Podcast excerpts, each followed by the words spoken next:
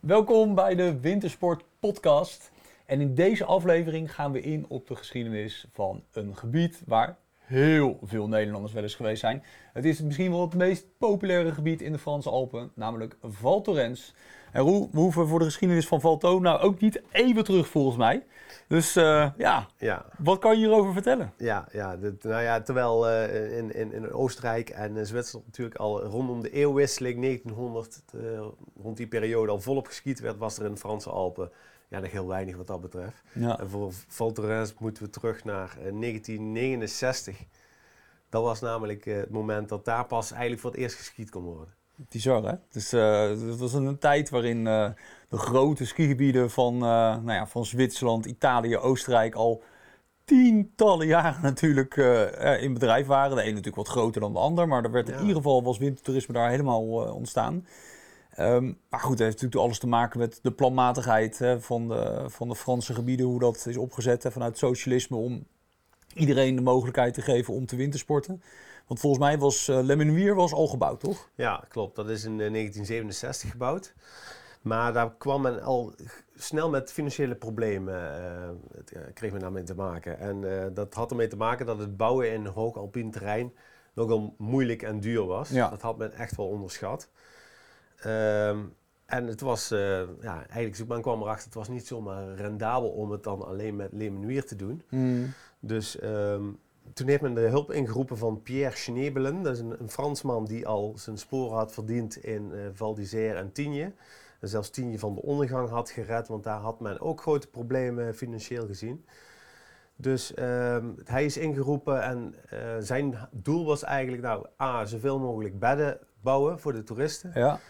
En dat moest dan gecombineerd zijn met een winters- en een zomerskigebied. Dus dat je zowel in de winter als in de zomer op hooggelegen pistes kon skiën. En hij vond dus eigenlijk dat Lemmernier te laag lag om dat voor elkaar te krijgen.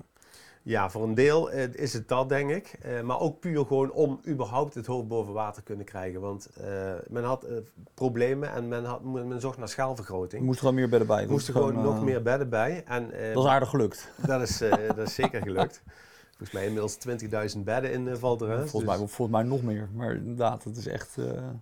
Ja. Dat is gigantisch. Dus ja, die, die heeft er uiteindelijk voor gezorgd dus dat Val Thorens gebouwd mocht worden. En ehm, nou, dat is gebeurd dus in 1969. Ja, en, en wat was dan daar... Wat, wat, ah, die man had een visie. Ja, die had Tienje neergezet. Hij is nog bij andere Franse skigebieden uh, betrokken geweest. Dus die man die kwam naar binnen en die zei van... Dat, van oké, hoe gaan we dit aanpakken, dit hele gebied? Dat zal niet alleen meer bedden geweest zijn. Er moet natuurlijk wel een reden achter gezeten hebben dat hij echt een nieuw dorp wilde gaan bouwen. Ja, zeker. En uh, hij had zelfs een grotere plan. Het zou Val Thorens moeten worden. Uh, in combinatie met dus een gletsjerskigebied. Uh, waar ook in de zomer geskiet kon worden. Maar hij dacht nog groter. Er zou zelfs nog een extra dorp gebouwd moeten worden. worden. Val Gavière. Ik hoop dat ik het goed heb. Chavière. Ja. Um, dat zou uh, aan de kant van de Maurienne-vallei nog gebouwd moeten worden. Waardoor dus een groot samenhangend skigebied ontstond. Wat eigenlijk helemaal los stond van het huidige Les Trois Vallées. Dus, uh, ja, ja, ja, ja, ja. oké. Dus uh, uiteindelijk is. Dus de bedoeling was dat Valto samen met dat uh, Valcha, om het maar zo te noemen, van Xavier een apart skigebied zou worden. Ja. Met zowel winter- als zomerbedrijf. En het was helemaal niet in de, het lag helemaal niet in de oorspronkelijke planning om dat te verbinden met uh, Lemonwier of met nee, andere... dat is, dat is eigenlijk pas heel, veel later is dat gekomen. Kijk, want de, tot Xavier, de, de Xavier, dat is een gletsjer in, in die regio, hè, waar, uh, ja. Uh, waar, ja, waar Valto natuurlijk ook in ligt. Ja, dat klopt. Het is een hoog alpien gebied. Daar zou dus een skistation à la Val Thorens gebouwd moeten worden. En in combinatie met pistes op maar liefst zes gletsjers en tot een hoogte van 3650 meter. Ja. En uh, nou ja, de, 35 van de 150 liften die gepland waren, die zouden dus zowel in de zomer als in de winter in bedrijf moeten zijn om het gebied rendabel te maken. Ja, met, met, met alles erop en eraan, golfbanen en uh, ook andere ja, activiteiten. Bizar, een, een, een, vliegveld moest erbij komen, een golfbaan in dat hooggelegen skigebied. Ja. Uh, ja, het, is, je kunt, je het, klinkt bijna, het klinkt bijna megalomaan hè, als je dit zo zegt. Van even zes gletsjers, uh, 35 liften die in de zomer open zijn, uh, een vliegveld erbij. Ja. Eigenlijk is het, weet je, als je het zo zegt, dan is het eigenlijk niet heel gek dat het, dat het, niet, het niet gehaald heeft. Nee, nee. En ja, het is ook sowieso heel opvallend. Ik denk dat heel veel mensen nog nooit van dit project gehoord hebben. Maar dit was dus echt wel eh, het doel van, van eh, de bouw van Val Thorens toen. Ja, Eh, maar waarom is het dan niet doorgegaan? Want, dat- want hij, die man die had wel zijn sporen verdiend. Dus ergens is er eh, een kink in de kabel Ja, gekomen. nou, dat was in eerste instantie nog niet de enige klimaatverandering, maar dat had te maken met eh, de oprichting van het Nationaal Park Vanuase. Dat was in 1963 opgericht ter bescherming van het, het alpine Ja. hooggebergte. Eh, Dat ging niet helemaal samen met de aanleg van een vliegveld op 3000 meter, begrijp ik. Nee, nee, Nee. precies. het, sterker nog, eh Val Chavière, dat zou precies in het hart van dat Nationaal Park terechtkomen. Ja. Waardoor eh, dat het hele project eigenlijk nooit is doorgegaan. Ja, ja, ja, ja. ja. Het is wel zo dat eh, uiteindelijk ging er natuurlijk een hoop lobbywerk aan, eh, aan vooraf. En de burgemeester van Saint-Martin de Belleville, het dorpje wat eh, in, het begin van het dal ligt. Ja, dat is ook de gemeente volgens mij. Hè? Dat is de gemeente Bellevue. En dat, dat is één, één, één, ja, één gemeente. Dus ja, inderdaad. Valto zou gebouwd worden in de gemeente Saint-Martin de Bellevue. Ja, dat is ook het enige oorspronkelijke dorpje Ja. wat, wat je hebt. Precies. Dus eh, die is zich vervolgens met de president van Frankrijk gaan eh, bemoeien om, om toch op een of andere manier iets voor elkaar te krijgen. En Georges Pompidou was dat in die tijd, hè? ja, Ja. En ja, toen hebben ze dus toch in ieder geval toestemming gekregen om vooral terreins in ieder geval te bouwen. En op de Chavière, Chavière Gletscher, daar mochten twee sleepliften komen en meer niet. Dus eigenlijk als je hem even... Als die relatie tussen die burgemeester van Saint-Martin de Bellevue en de president van Frankrijk er niet geweest was, was Valto ook helemaal niet gebouwd. Ja, misschien niet. Of eh, misschien zou Val, Lemenuier een stuk groter zijn geworden en dan Ja. misschien een paar liften richting Val Thorens. Niet- Wie zal het zeggen? Grappig. Maar ja, goed, er mocht dus gebouwd worden. Dus Ja. uiteindelijk, je begon er al mee, 1969, liften gaan open. Ja, nou, de eerst werd de weg dus doorgetrokken vanuit Lemenuier eh, tot op 2300 meter. En eh, uiteindelijk gingen de eerste liften, of het zijn er maar één of twee geloof ik, in 1971 open. Maar toen waren er nog geen andere voorzieningen, dus men kon alleen maar het dal in, Ja, eh, daar gaan skiën en vervolgens weer het dal uit. Eh, ja, pas enkele jaren daarna zijn alle voorzieningen erbij gekomen. Een skischool, eh, accommodaties, noem maar op. En, dus dat is, dat is nog relatief langzaam gegaan. Want eigenlijk begin van de jaren 70 woonden er nog steeds maar vier of vijf families op dat gebied waar nu eh Val Thorens ligt. Die Hm. daar een paar hotels en Grappig, bedrijfjes hadden. en die, ja, die, bedoel, die zijn nu zeg maar de spekkoper van het hele verhaal waarschijnlijk. Dat eh, zit er wel in. Ze Neem zijn nog aan. steeds heel actief eh, in, in die gemeenschap. En volgens mij hebben ze heel, een groot deel van het vastgoed. Ja, ja. En ergens is het ook wel misschien wel terecht als je toen in die tijd je nek op die manier hebt uitgestoken. Dan, eh, hè, dan verdien je het misschien ook wel om de vruchten daarvan eh, te plukken. Het is natuurlijk wel een eh, succesverhaal geworden uiteindelijk. Dus, eh, maar goed, er wonen nu natuurlijk nu ook niet heel veel mensen. Hè. Valto is natuurlijk nu nog steeds een dorp met, ja, weet je, eh, Ja. er wonen misschien, eh, hoeveel mensen wonen daar het jaar rond? Een paar honderd misschien paar honderd, maximaal? denk ik, max, ja. Ja. Het meeste is gewoon dicht. En ze proberen nu wel iets meer in de zomer te doen. Maar dat is allemaal natuurlijk minimaal op die hoogte. Ja. Nou ja, goed. Op een gegeven moment eh, werd de liftmaatschappij opgericht. Dan gingen ze het wat, wat groter aanpakken. Ja, ja. Ze, ze dachten wel meteen heel zo, eff- zo efficiënt mogelijk. De liften moesten snel en zo lang mogelijk zijn. Dat mensen gewoon efficiënt naar boven gebracht eh, werden. Ja. En dat is ook eh, redelijk goed gelukt. Eh, de Piclet Gletscher die is ontsloten. Er was toen meteen een gigantisch hoogteverschil voor die tijd voor een gletsjer. 500 meter met twee zwarte en twee rode pistes. Wat eigenlijk best wel veel uitdaging is ten opzichte van allerlei andere zomer- of, of. Ja. En ja, toen is natuurlijk ook de verbinding met Lemenuier gemaakt, het, het skistation wat er al was. Ja. En in de jaren 70 hebben ze de verbinding met Miribel eh, gerealiseerd. En dat is dan eigenlijk ook het begin geweest van de ontwikkeling van Les Trois Vallées Ja, als skigebied. Ja. als, als skigebied. Ja. Ja. ja, grappig. Want uiteindelijk, eh, ik denk dat iedereen die in Valto wel eens geweest is, natuurlijk die, die Péclet-gondel herkent. Hè. En ik kan me nog herinneren dat eh, mijn eerste keer Valto was, denk ik, eind jaren 80.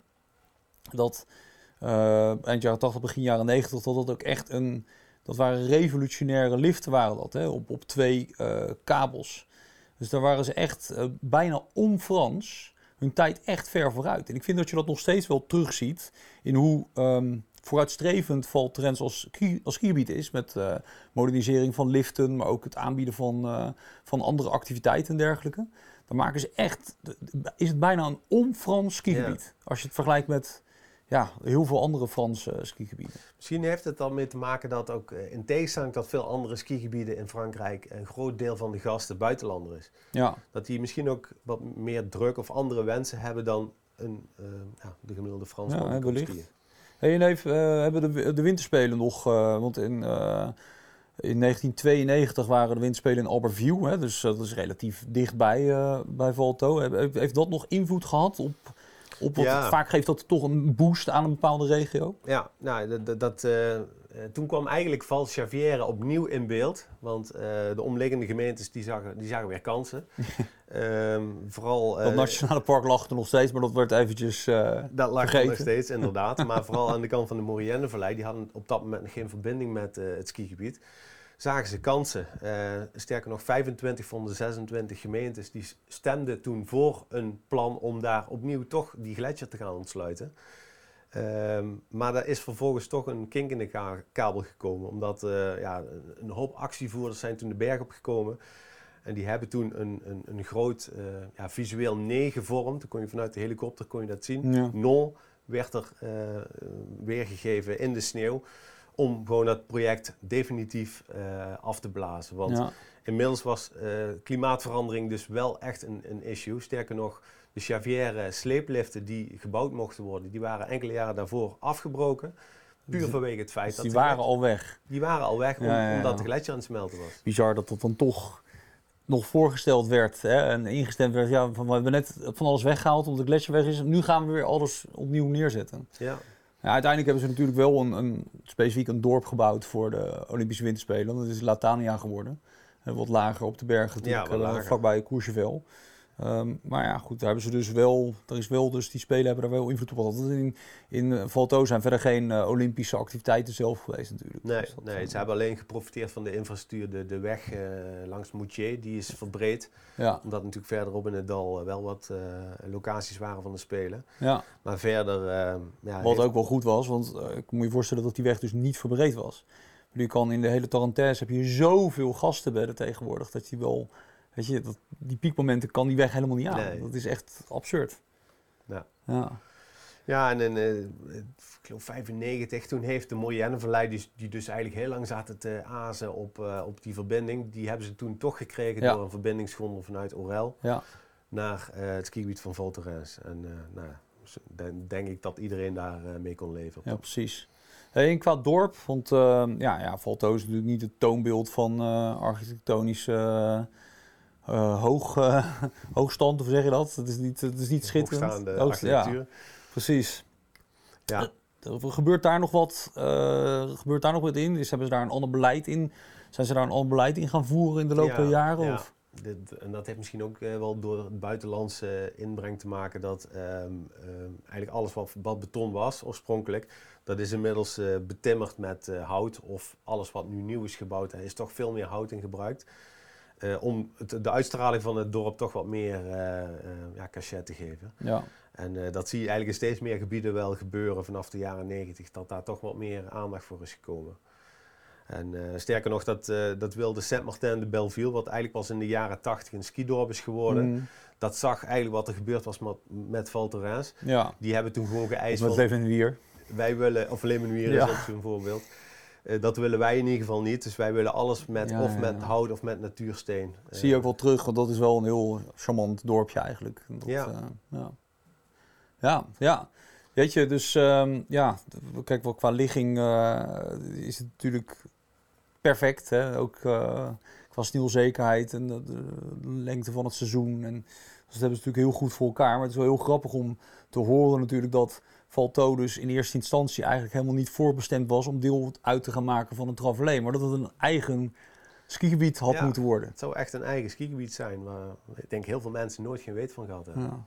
Ja, gelukkig, gelukkig nu wel, want we eindigen met z'n allen uh, natuurlijk ieder jaar weer uh, het seizoen sluiten we af in, uh, in Valto. En ja, ik denk dat dat voorlopig nog wel eventjes zo zal blijven gaan. Dus gaaf man, mooie informatie. Nou, dit was hem weer. Um, vond je dit nou leuk? En we weten dat je dit leuk vond. Dan kan je maar één ding doen. Even liken, subscriben of uh, een review achterlaten. In je favoriete podcast app, op Spotify, op YouTube. Het maakt ons eigenlijk niet heel veel uit waar, maar je steunt ons daar ontzettend mee. Dank daarvoor en tot de volgende keer.